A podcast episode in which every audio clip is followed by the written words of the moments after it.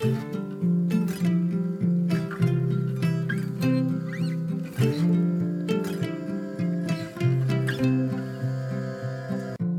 och välkommen till For Health med Anna Sparre.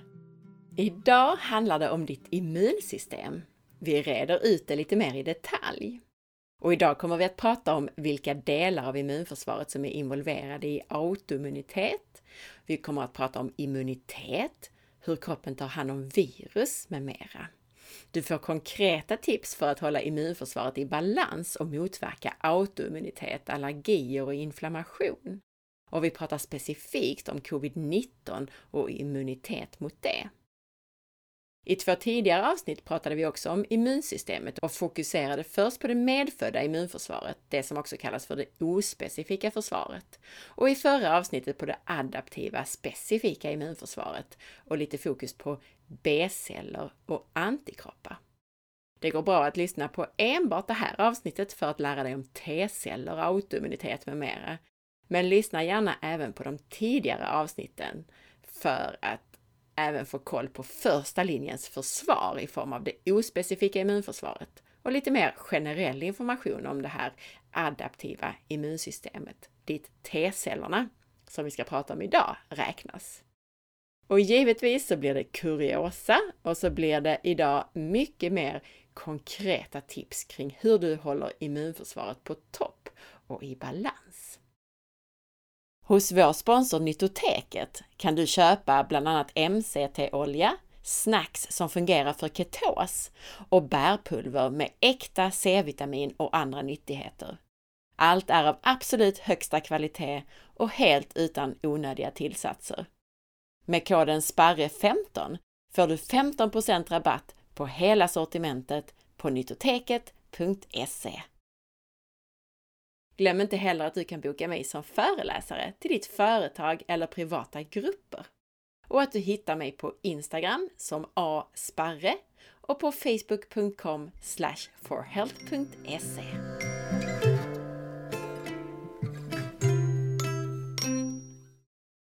I de två senaste avsnitten har vi alltså pratat om hur immunförsvaret fungerar och vad som ingår i de olika delarna av ditt immunsystem. I första podcastavsnittet om immunförsvaret så pratade vi om ditt medfödda försvar, den delen av ditt immunförsvar som innehåller soldater som inte är specialiserade på ett särskilt sorts virus till exempel, utan som angriper allt det kan identifiera som fiender mot din kropp. Till denna del av immunsystemet räknas bland annat makrofager. Ditt medfödda immunförsvar fungerar dels som ett första försvar mot fiender och dels kommunicerar det till ditt specifika adaptiva immunförsvar. Och den här andra delen av immunförsvaret, det adaptiva eller specifika försvaret, som du utvecklar under livets gång genom att stöta på nya smittoämnen. I den delen av immunförsvaret hittar vi våra B-celler och T-celler. Och i den andra delen om immunsystemet så pratade vi mer om det här specifika immunförsvaret och särskilt då om B-cellerna, de immunceller som använder sig av antikroppar. Idag ska vi titta närmare på T-celler. T-cellerna tillhör alltså det adaptiva immunförsvaret, den del av immunförsvaret som utvecklas och anpassar sig efter fienden helt enkelt. Mogna T-celler patrullerar i blodet och lymfsystemet i väntan på att de ska känna igen det patogen, alltså den fienden som de är specifika för. Och det finns en rad olika sorters T-celler såsom T-hjälparceller, cytotoxiska T-celler eller T-mördarceller, minnes-T-celler och regulatoriska T-celler. Och vi kommer till de här snart. Generellt kan man säga att T-cellernas uppgift det är att känna igen proteiner som inte kommer från den egna kroppen. T-cellerna är vita blodkroppar som specialiserat sig på att leta upp och döda tumörceller och virus bland annat. Dessutom så hjälper de till att aktivera B-celler, andra immunceller alltså. T-celler patrullerar våra kroppar och förstör skadliga celler effektivt och med stor precision. Visste du förresten att en enda tesked blod beräknas innehålla 5 miljoner T-celler. När T-cellen hittar till exempel en virusinfekterad cell så binder den fast hårt på den här skadliga cellens yta. När den här kontakten är uppnådd så skickar T-cellen ut små blåsor i riktning mot den infekterade cellen. De här blåsorna de frisätter två substanser, perforin och gransym. Perforin gör hål i den här målcellens membran som gör att granzymet sen kan komma in och påverka målcellens apoptos. Och apoptos är ju programmerad celldöd. Så med andra ord så skickar T-cellen ut enzymer som får fiender och infekterade celler att aktivera sin egen celldöd. T-cellerna är väldigt bra på att upptäcka och ta hand om just virus. För om en cell har blivit attackerad av ett virus så finns det små, små fragment av viruset på den infekterade cellens yta som T-cellerna upptäcker. När det gäller cancer så krävs det att det uppstått en mutation i cancercellen som T-cellen kan identifiera som främmande. Och därför är T-celler olika bra på att bekämpa olika cancertyper. De är väldigt bra på att hitta melanom, som är en form av hudcancer. Men de är väldigt mycket sämre på att hitta prostata, bröst och tjocktarmscancer. Detta har alltså delvis att göra med hur mycket mutationer det finns i cancercellerna. I melanom finns det mycket mutationer som gör att de här cellerna upptäcks lättare. Då kan T-cellerna hjälpa till att förhindra en spridning av tumörcellerna. Och apropå Nobelpris som jag varit inne på i de här avsnitten om immunförsvaret. 2018 års Nobelpris gick till James P. Allison och Tasuko Honjo för genombrottet inom immunterapi mot cancer. De upptäckte var sitt protein som fungerar som en broms i immunförsvaret. Och genom att släppa på den bromsen så att immunförsvaret själv anfaller cancerceller har det utvecklats en behandlingsmetod mot cancer. T-cellerna är helt centrala i vårt immunsystem. När T-cellerna stöter på något ovanligt så är det de som bestämmer om immunförsvaret ska gå till attack eller inte. Eftersom cancerceller är ganska lika kroppens vanliga celler så reagerar ofta inte T-cellerna, som jag då nyss beskrev. 2018 års nobelpristagare, de har lyckats få T-cellerna att reagera oftare och lättare, till exempel då mot cancerceller. Och det här genom att släppa på bromsen via de här upptäckta proteinerna. De fick alltså priset för deras upptäckt av cancerbehandling genom hämning av immunförsvarets bromsmekanismer. Och de här upptäckterna har inneburit ett helt nytt sätt att behandla cancer på. Istället för att angripa tumörcellerna så har deras behandlingar inneburit att bromsmekanismer i immunförsvaret tas bort med hjälp av antikroppar. Och idag finns flera olika läkemedel mot de här bromsarna. Cancer som tidigare var mycket svårbehandlad, som till exempel spritt malignt melanom och spridd lungcancer, har en mycket bättre prognos med sån här immunterapi. Låt oss titta närmare på olika sorters T-celler. En sak som är viktig att poängtera här, det är att T-celler omvandlas till olika sorters T-celler beroende på olika omständigheter. Och det här är centralt när vi pratar om balans i immunförsvaret eftersom en del T-celler förstör det mesta i sin väg medan andra dämpar immunreaktioner. Jag säger alltså att T-celler omvandlas och förökar sig till de olika sorternas T-celler beroende på vad kroppen tycker behövs just nu. Så balansen mellan olika sorters celler i immunsystemet kan variera. T-cellerna som bildats i thymus, brässen, brukar kallas naiva T-celler. Varje T-cell är försedd med en unik T-cellsreceptor som är kodad att upptäcka ett visst protein som utsöndras från exempelvis ett virus eller från en allergen eller bakterier. När väl T-cellen upptäcker ett protein så delar de sig mycket, de förökar sig alltså, för att på olika sätt kunna oskadliggöra det här proteinet. Och då kallas de inte längre för naiva utan istället så kallas de till exempel för T-hjälparceller, cytotoxiska T-celler, minnes-T-celler och regulatoriska T-celler. Om vi börjar med de här cytotoxiska T-cellerna så kallas de också för T-mördarceller. De här de fäster vid fienden eller vid infekterade celler och tar död på dem med sina toxiner, sina gifter. Så till exempel tar de död på de celler i kroppen som har infekterats av ett virus. Anledningen till att T-cellerna känner igen vilka celler de ska ha ihjäl, det är för att en del nedbrutna proteiner från cellen transporteras till cellytan och visas upp där, som jag beskrev tidigare. Virusinfekterade celler kommer därför ha virusdelar på sin yta. Och som jag sa, T-cellernas uppgift är att känna igen proteiner som inte är kroppsegna. T-mördarceller skickar då en självmordssignal till den infekterade cellen, det vill säga den ser till att cellen genomgår det som kallas för apoptos, programmerad celldöd. Minnes-T-celler, det är en annan sorts T-celler och de överlever långt efter att viruset eller bakterien bekämpats och de hjälper till att bibehålla immunitet.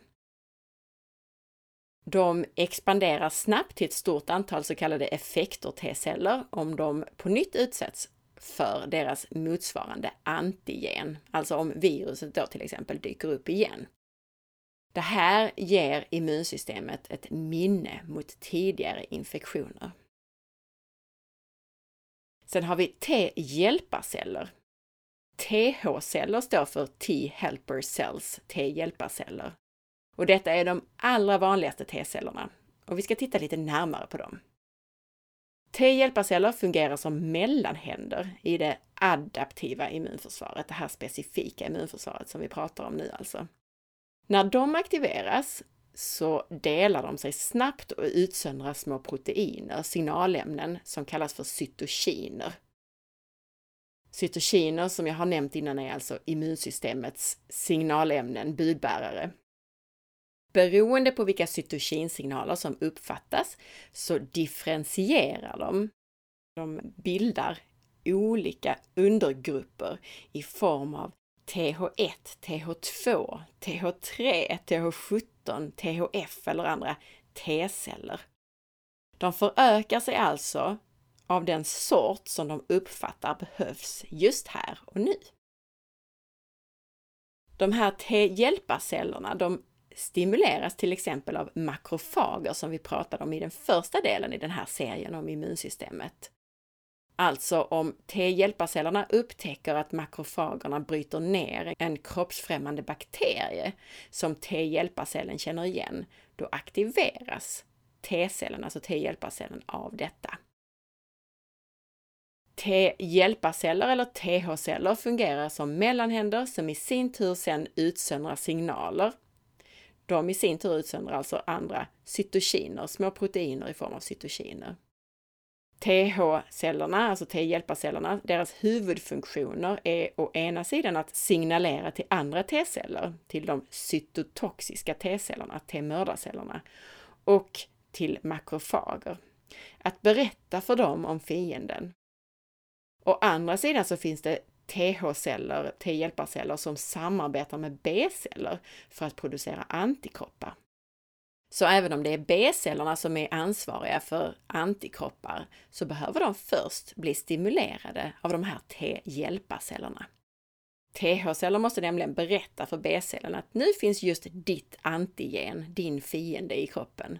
Så nu är det relevant att börja föröka sig och producera massvis med antikroppar.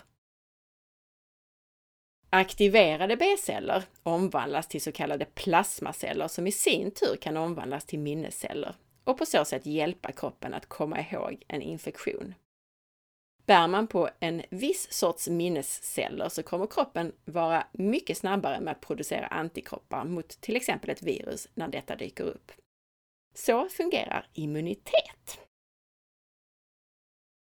Och det är här när det gäller TH-celler, T-hjälparceller, som TH1 och TH2 kommer in, om du har hört talas om den viktiga balansen mellan de här delarna av immunförsvaret. Det finns nämligen olika sorters T-hjälparceller. Beroende på vilka cytokinsignaler de utsöndrar så kan de omvandlas eller differentiera till en särskild sorts T-hjälparcell eller till andra T-celler. Bland annat till de två huvudgrupper av TH-celler som kallas TH1 och TH2. Och det finns även andra TH-celler, bland annat TH17 som vi kommer till. Om du inte riktigt har hängt med här så summerar jag. Alltså TH1 och TH2 är två sorters T-hjälparceller, en sorts T-celler i immunförsvaret. Och det som är intressant är att de här två, TH1 och TH2, är ansvariga för två olika delar av immunförsvaret som behöver vara i någon sorts balans. TH1 stimulerar vårt cytotoxiska immunsystem, attackstyrka, som går till anfall med stor effekt. Det här är alltså det försvar som kroppen skickar in i striden när ett virus eller bakterier tar sig in. TH2 stimulerar vårt antikroppsbaserade immunsystem, infanteriet. I vår kropp så tar det några dagar innan det här infanteriet, TH2-delen, har mobiliserat sig och attackerar. Många vet med sig att man ofta är förkyld eller sjuk i en vecka ungefär innan infanteriet har hunnit upp i full styrka och kraft. Men nästa gång kroppen stöter på den här fienden, just det här viruset, så är kroppen redo. Den är immun. Så då blir man inte sjuk. Sen har vi även TH17 som du kanske också har hört talas om när vi pratar TH-celler, T-hjälparceller. TH17 är en inflammationsproducerande immuncell. Den producerar nämligen IL-17, en cytokin, en signalsubstans i immunsystemet som stimulerar inflammation. Felreglering av TH17 är involverat i autoimmuna och inflammatoriska tillstånd. En viktig anledning till att man ofta pratar om D-vitamin i autoimmuna tillstånd, det är att man har sett att aktivt D-vitamin minskar TH17-cellernas produktion av den här, det här ämnet IL-17. Att det minskar då produktionen av proinflammatoriska signalämnen. När det gäller TH2-dominans eller en obalans mellan TH1 och TH2-delarna av immunförsvaret så kan saker som övervaccinering, stress och brist på näringsämnen påverka det här. Och TH2-dominans ökar förekomsten av bland annat allergier och astma eftersom det ökar produktion av bland annat IgE-antikroppar som är involverade i allergier. Även autoimmunitet kan vara kopplat till obalans mellan TH1 och TH2-delarna av immunförsvaret åt ena eller andra hållet. Till exempel om vi har ett TH1-dominant immunförsvar som överstimulerar aggressiva cytotoxiska T-celler. Då ökar det risken för autoimmuna reaktioner såsom reumatism, sköldkörtelsjukdom eller autoimmuna tarmsjukdomar. Även att så kallade T-regceller, alltså regulatoriska celler i immunförsvaret, som ska stänga av T eller B-celler. Om de här T-regcellerna inte arbetar som de ska så ökar också risken för autoimmunitet. Och jag kommer mer till T-regcellerna strax. Summerat kan du alltså se TH-celler, det vill säga T-hjälparceller, som mellanhänder i immunsystemet. De koordinerar och ser till att aktivera olika delar och de är väldigt involverade i cytokinfrisättningen, alltså frisättningen av sådana här signalsubstanser i immunförsvaret som till exempel då ökar inflammation.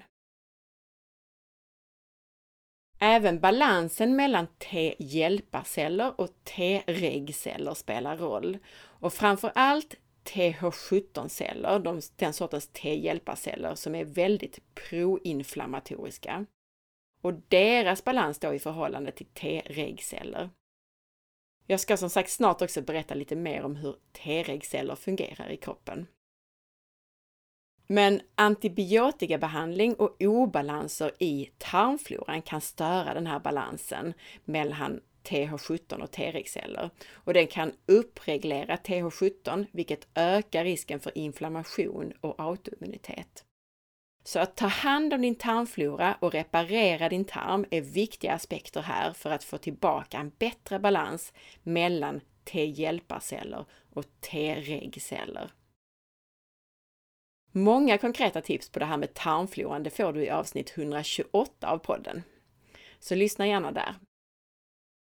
Någonting som man har sett när det gäller det här, det är till exempel att berberin, som är både antimikrobiell och kan bryta upp den biofilm som bakterier bildar, att berberin det kan påverka balansen just mellan T-regceller i förhållande till TH17 på ett positivt sätt.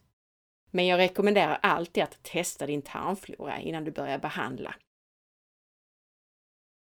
Men lite fler konkreta tips för balans mellan TH1 och TH2 och därmed då för att kunna minska risken för allergier och inflammatoriska och autoimmuna tillstånd. Har du och din familj mer tendens till autoimmuna sjukdomar som sköldkörtelbesvär, inflammationer, reumatism med mera, då kan du ha ett TH1-dominant immunförsvar. Gluten kan stimulera TH1 och TH17 och den sortens cytokinfrisättning och ge en sämre balans i förhållande till T-regceller. T-regceller kommer vi till strax. Så det kan vara väl värt att utesluta gluten om man har tendens till mer autoimmunitet och inflammation. Och det är ju också helt i linje med en autoimmun kost, där det allra viktigaste brukar vara att utesluta spannmål. Och vill du veta mer om autoimmun kost så kan du lyssna på podcastavsnitt 83. Många sorters toxiner aktiverar också TH1, inklusive bekämpningsmedel. Så att välja ekologiskt och giftfritt, både när det kommer till kost och kosmetika och annat, det är också en viktig strategi. Och fler tips på sånt får du bland annat i avsnitt 169 och 170. Toxiner generellt kan uppreglera TH17 och cytokinfrisättning, alltså inflammation. Stresshantering, det är ytterligare en viktig strategi här. Adrenalin och noradrenalin, stresshormoner, kan nämligen stimulera TH17 och inflammation. Använd gärna taggen meditera på forhealth.se för bra stressreducerande tips. Har du eller personer i din familj tendens till allergier och eksem, då kan du ha ett TH2-dominant immunförsvar. Och då kan det vara viktigt bland annat att minska lektiner i din kost. Och lektiner finns det mycket i spannmål och bönor. Och man vill minska dem eftersom det då kan minska födoämnesreaktioner. Man kan också minska på andra sorters toxiner för att dämpa ett överaktivt TH2-dominant immunsystem. Inklusive en del toxiner som finns i kosmetika, inklusive BPA i plaster med mera. Så egentligen så gäller det både då för TH1-dominant och TH2-dominant immunsystem att minska på toxiner generellt. Så det är generellt bra för immunsystemet att minska på det. Men låt oss nu titta närmare på de viktiga T-regcellerna. T-regceller, alltså regulatoriska T-celler, de spelar en central roll i kroppen genom att dämpa inflammation, autoimmunitet och upprätthålla hälsa i många vävnader, inklusive i fettvävnaden. Och vi pratar mer om de här cellerna också i podcastavsnitt 214. De här regulatoriska T-cellerna, de kallades tidigare för suppressor T-celler och deras viktigaste uppgift är att stänga av immunitet i slutet av en immunreaktion och att få undan autoreaktiva T-celler. De är alltså väldigt viktiga mot till exempel autoimmunitet. Regulatoriska T-celler, eller T-reg som det oftast skrivs, de hjälper oss att balansera våra TH1 och TH2 immunsystemgrenar. Regulatoriska T-celler de reglerar alltså andra immunceller genom att stänga av aktiverade B-celler och T-celler. Du kan alltså tänka dig T-regcellerna som de som dämpar immunreaktioner när det är dags. Tänk dig en bra, lugnande lärare i skolan som kommer och lugnar ner eleverna när rasten är slut. Typ så. Konkreta tips när det gäller de här T-regcellerna. Om du vet med dig att du har ökad risk för inflammation och eller autoimmuna sjukdomar så kan det vara bra att fokusera på saker som kan stimulera T-regceller. En sämre tarmflora triggar igång immunceller och reducerar mängden T-regceller. Så vi vill alltså ha en bra tarmflora.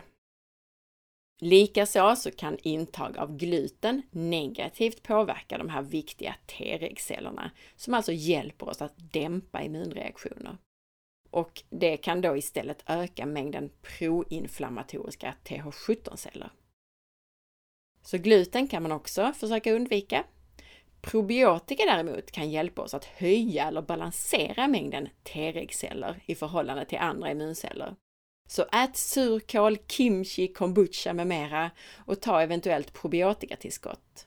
Men allra viktigast för en bra tarmflora och för T-regcellerna, det är att äta en kost rik på prebiotika. Alltså rik på grönsaker och annan fiberrik mat som håller tarmfloran glad. Återigen, lyssna på tidigare podcastavsnitt om tarmfloran, inte minst avsnitt 128.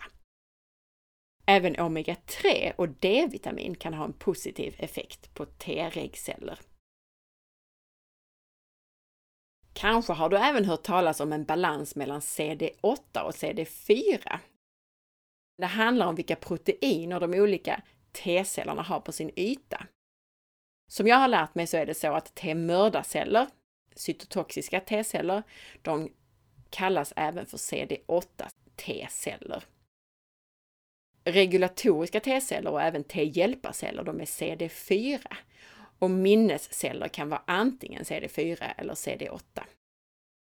Generellt när folk nämner CD4 så brukar de syfta på T-hjälparceller och när de nämner CD8 så syftar de på cytotoxiska celler, alltså T-mördarceller. Ibland används CD4 och CD8 för T-celler innan de har blivit aktiverade och därefter, när de har aktiverats, så kallar man dem för T-hjälparceller och T-mördarceller. Så CD8 är alltså de immunceller som tar död på skadliga celler, infekterade celler eller cancerceller, medan CD4 är de som aktiverar andra immunceller och utsöndrar cytokiner. Och det här kan tyckas rörigt och lite överkurs, men jag nämner det ifall du har hört det och inte fått in de här cellerna i ett sammanhang tidigare. Och för att komplicera saker ännu lite till så finns det även något som kallas för naturliga mördar-T-celler, NKT-celler.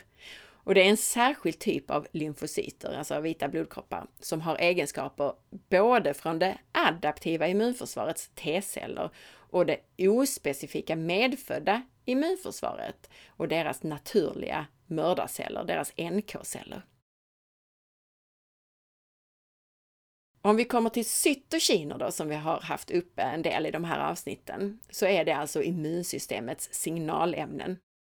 Cytokiner signalerar till immunceller som T-celler och makrofager att ta sig till infektionsstället när immunsystemet kämpar mot en patogen, alltså mot en sjukdomsframkallande mikrob.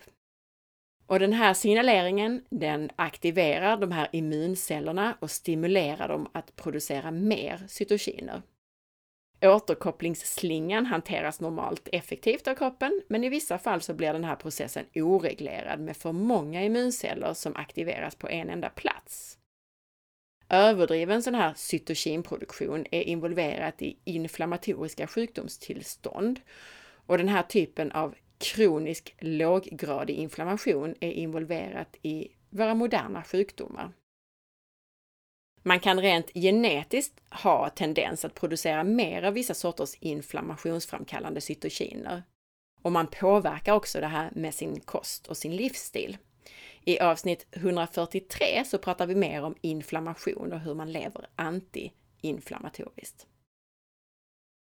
Och just med tanke på covid-19 så har du säkert hört begreppet cytokinstorm. Många som blir smittade av det här nya coronaviruset, sars-cov-2, har milda symptom. Men för många av dem som hamnar på sjukhus så är det inte själva viruset, utan immunförsvarets överdrivna reaktion på infektionen som har lett till att de har blivit så svårt sjuka.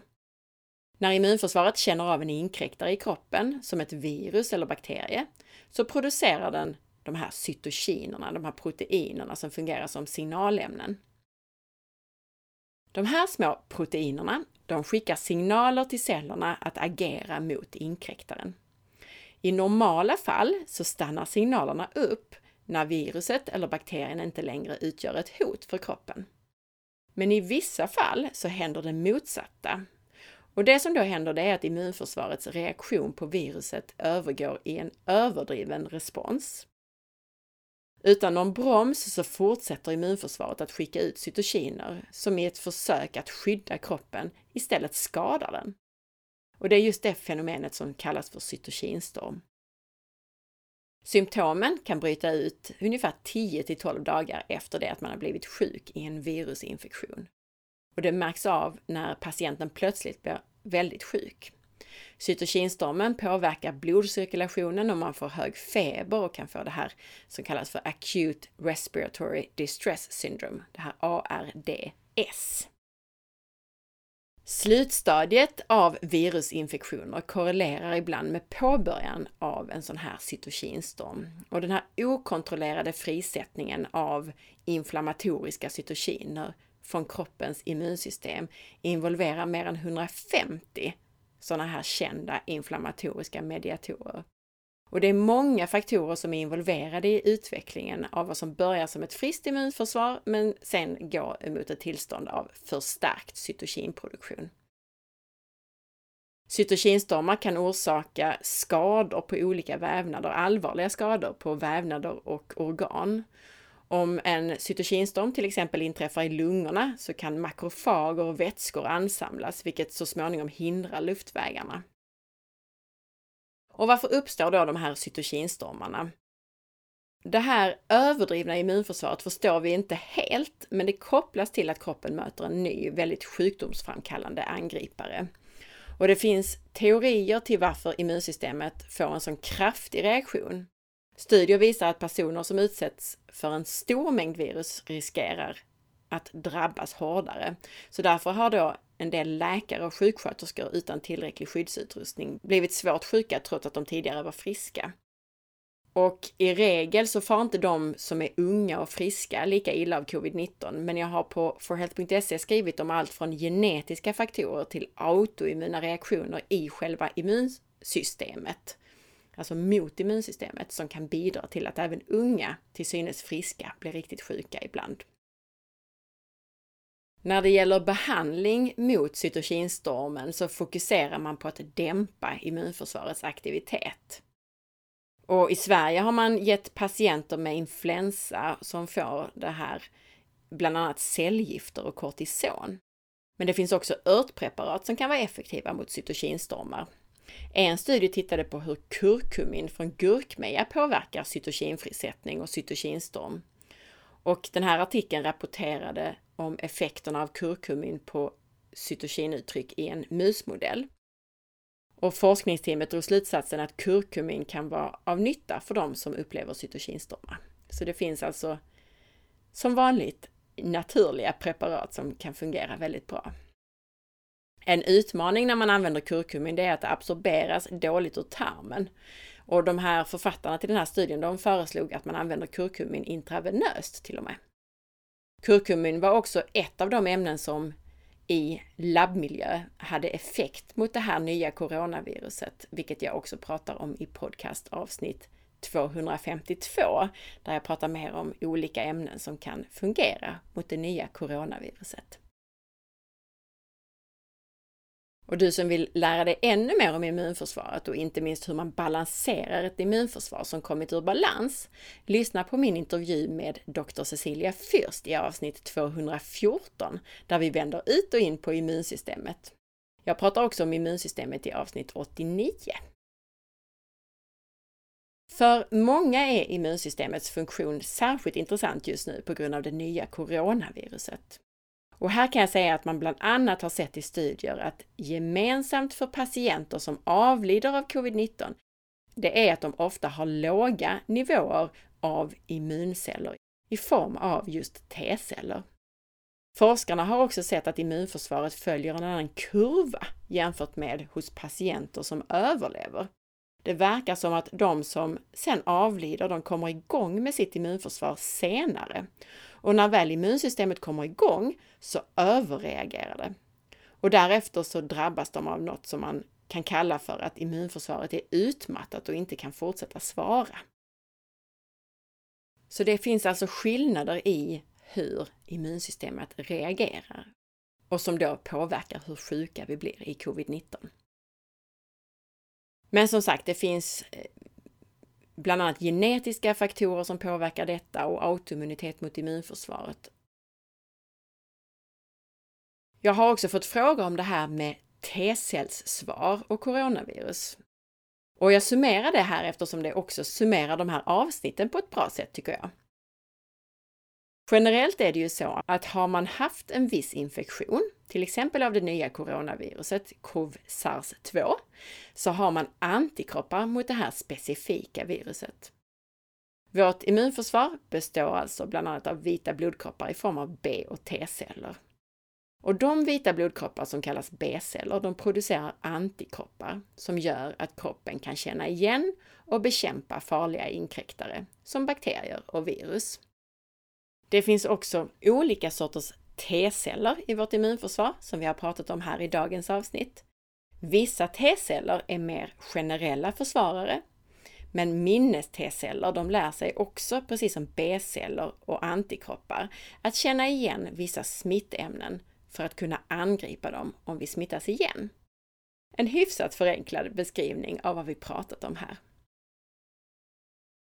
Immunförsvarets minnen av gamla förkylningar orsakade av snällare coronavirus, alltså släktingar till det här nya coronaviruset. De kan vara en förklaring till varför covid-19 slår så olika hos olika personer. Forskare har nämligen sett tydliga bevis för att personer som inte varit utsatta för covid-19 smitta ändå kan bära på T-celler som redan är programmerade att svara på det nya viruset. I en studie under det här coronaåret så upptäckte forskarna att mellan 20 och 50 procent av personer som inte varit utsatta för sars-cov-2-viruset ändå bär på T-celler som verkar känna igen och svara på det. Det är alltså minnes-T-celler. Teorin var att de här personerna tidigare varit smittade av covid-19-virusets snällare kusiner, coronavirus som bara orsakar förkylning. Och att de då har kvar ett T-cellsförsvar mot dem. Och det här T-cellsvaret reagerar också på covid-19. Sen har samma forskare gått vidare för att vara helt säkra på att de här proverna verkligen kom från personer som inte varit utsatta för covid-19 smitta så använde de prover som var från tidigare år, alltså mellan 2015 och 2018, då covid-19, alltså sjukdomen, fanns inte. Och i dem hittade de T-celler som reagerade både på virussekvenser hos de snällare förkylningsvirusen, de snällare coronavarianterna och det nya coronaviruset. Det kan alltså vara så att en del av befolkningen som tidigare haft den här sortens förkylningar bär på ett vilande immunförsvar som ger dem ett försprång, ett skydd, som gör att de inte blir lika sjuka, eller kanske rent av inte får några symptom alls.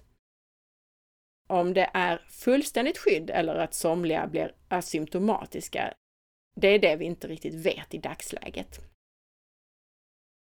I juni kom en uppmärksammad svensk studie som visade att siffran på hur många som utvecklat T-celler mot det här nya coronaviruset kan vara betydligt högre än de som har utvecklat antikroppar.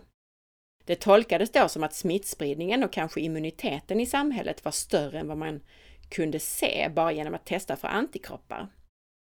Men den här andra studien som jag pratar om, den amerikanska studien, den tyder på att personer som har T-celler som reagerar på covid-19 kan ha utvecklat dem när de har exponerats för andra snällare förkylningsvirus, alltså inte nödvändigtvis för covid-19 just. Den svenska studien har fått uppdateras med informationen att man inte vet om T-cellerna kommer från det nya coronaviruset, sars-cov-2, eller om det kommer från andra besläktade virus. Man kan inte veta till 100% att det inte är korsreaktiva svar alltså. Det kan vara både och. En annan sak när det gäller det här med antikroppar eller T-cellssvar. Egentligen så behöver vi både och. Vi pratar som sagt om det adaptiva immunsystemets två huvudtyper av celler. B-celler, det är de som gör antikroppar som kan binda till virus och T-cellerna, det är de som tar död på virusinfekterade celler i kroppen. B-cellernas antikroppar är alltså effektiva mot virus när de här befinner sig utanför cellerna. När det gäller virus som befinner sig inuti celler måste de här cellerna dödas. Virus kidnappar ju celler och använder kroppens celler för att föröka sig. Att döda infekterade celler, det är det som framförallt T-cellerna gör. Det betyder att även om man har låga nivåer av antikroppar så kan T-cellerna vara väldigt aktiva och se till att viruset elimineras. Balansen mellan att ha ett starkt B-cellssvar, att immunsystemet framförallt gör antikroppar, och ett starkt T-cellssvar, alltså att ha effektiva celler som kan döda infekterade celler. Det här beror bland annat på genetik och är också kopplat till det här vi pratade om med TH1 och TH2-dominerade immunförsvar. Men det finns många andra faktorer som spelar in beroende på vilket virus vi pratar om. När det gäller covid-19 så spelar ju också vår genetik för det här ACE2 en viktig roll till exempel, eftersom just det här viruset använder ACE2 för att ta sig in i cellen. Oavsett så innebär det att man kan vara immun efter en virusinfektion utan att ha höga nivåer av antikroppar mot just det här viruset. Kroppens svar på ett virus det initieras när virusreplikering upptäcks av PRR, alltså av det här Pattern Recognition Receptors i det medfödda immunförsvaret. Och det här nämnde jag i första avsnittet om immunsystemet.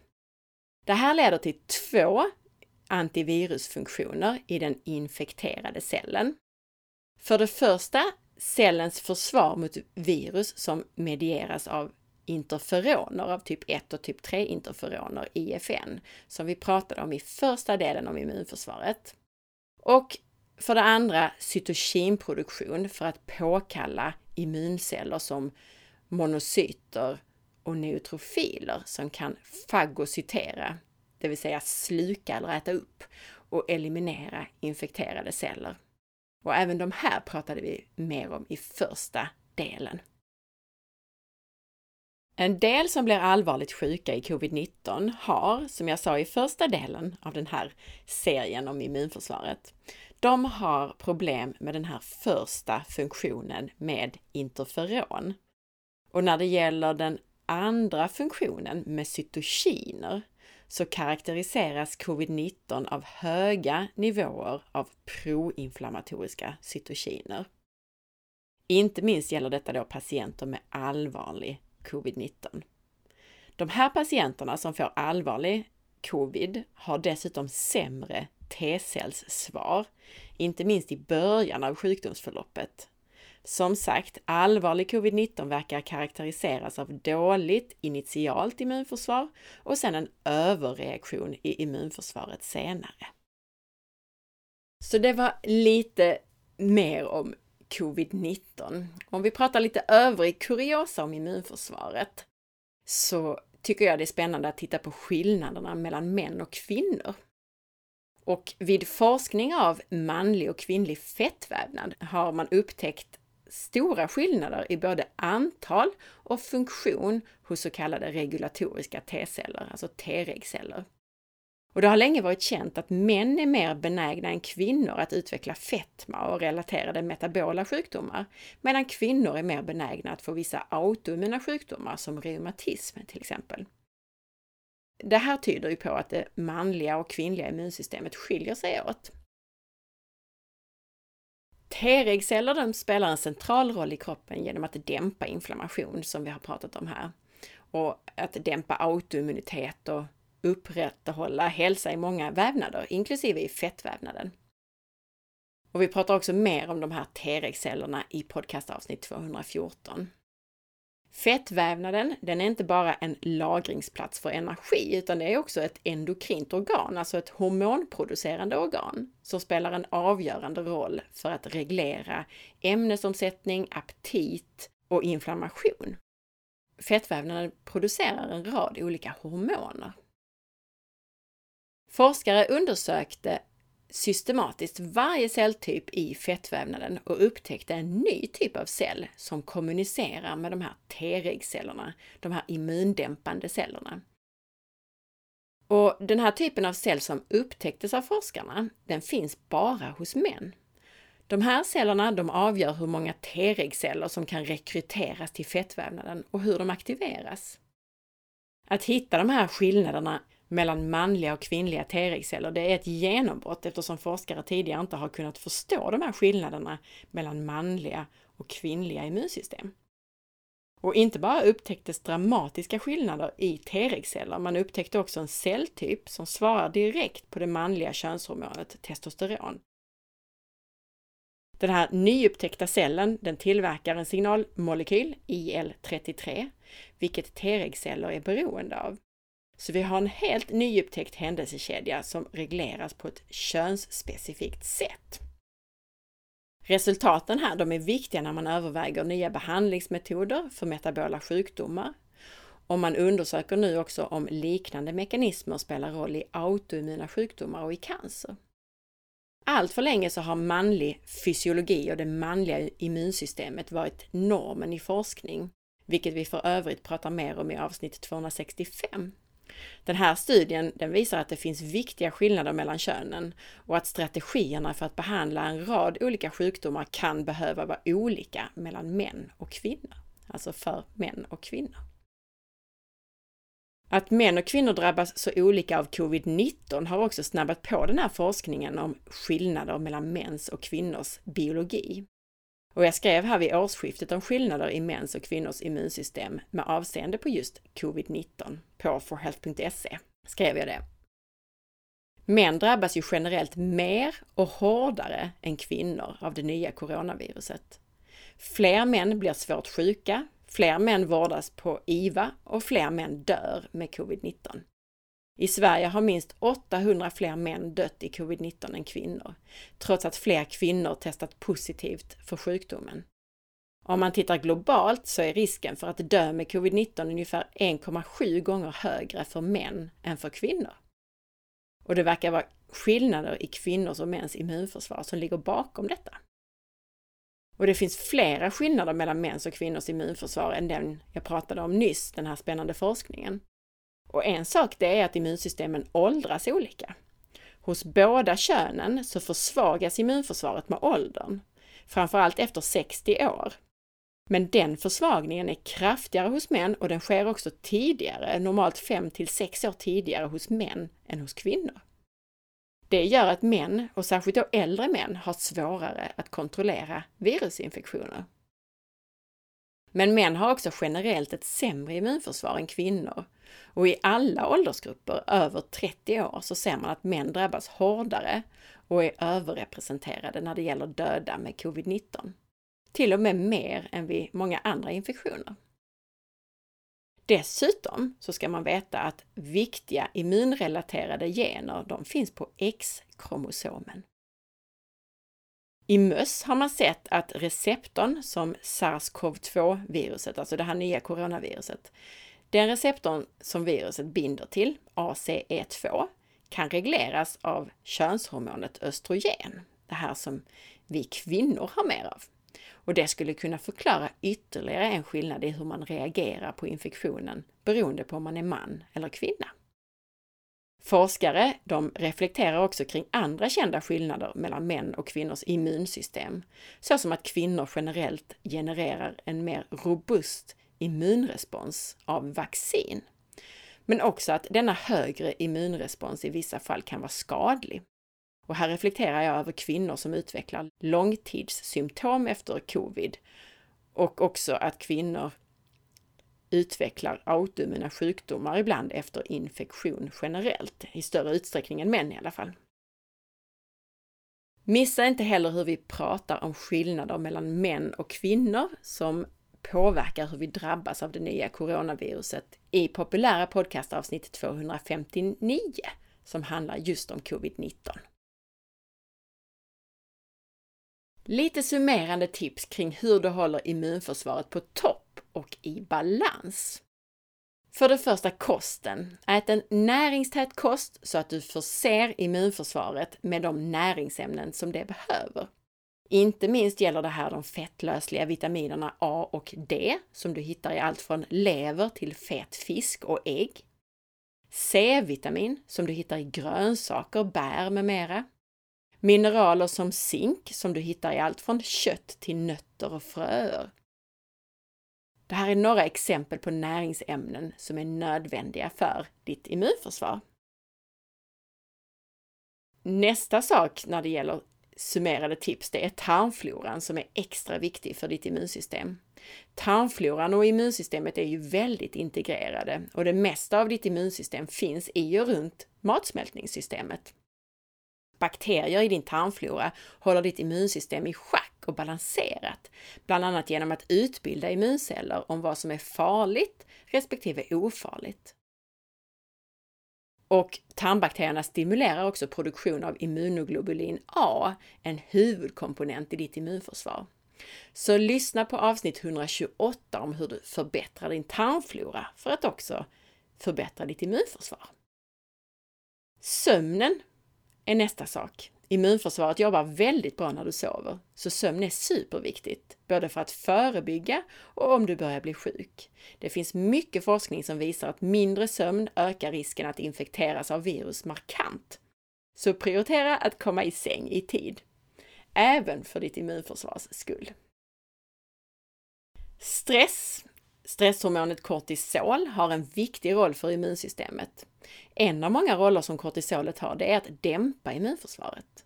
Men överdriven stress kan faktiskt också ha motsatt effekt. Problemet som uppstår vid konstant stress, det är något som kallas för kortisolresistens, som innebär att om kroppen hela tiden har förhöjda nivåer av stresshormoner, till exempel för att du alltid är stressad, då blir den till slut mindre känslig och reagerar allt sämre på kortisol. Det betyder att kortisolet förlorar sin funktion till viss del.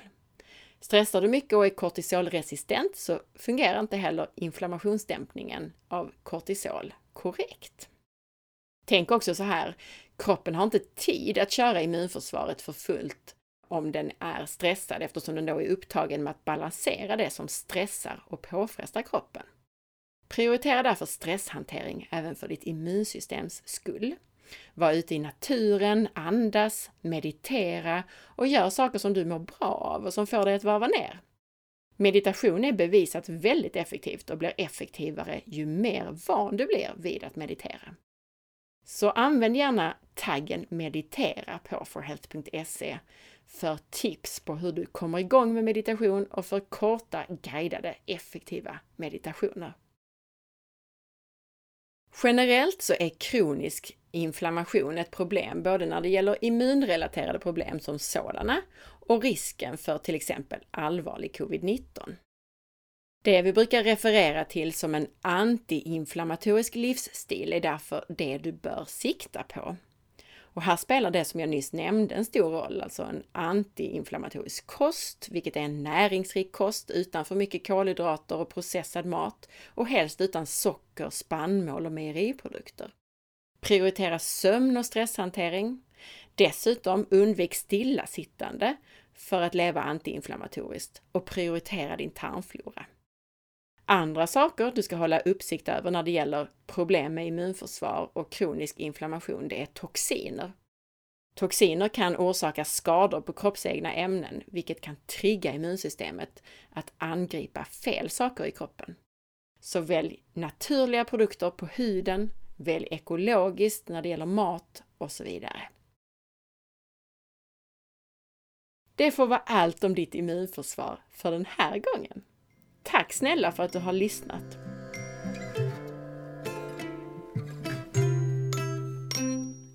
Veckans recension i iTunes är från Filippism som skriver rekommenderas varmt, viktigare än någonsin i dessa tider.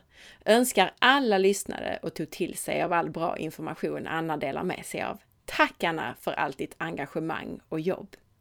Tusen tack! Om du gillade podcasten så glöm inte att dela med dig till din vän eller familjemedlem eller varför inte på Facebook och Instagram. Ju fler lyssnare, desto större möjligheter har jag att göra bra avsnitt. Tack på förhand! Missa inte heller att följa med på facebook.com forhealth.se och på Instagram via asparre. Och att lämna din recension av podcasten i din podcastapp. Ha en underbar dag så hörs vi snart igen. Hej då!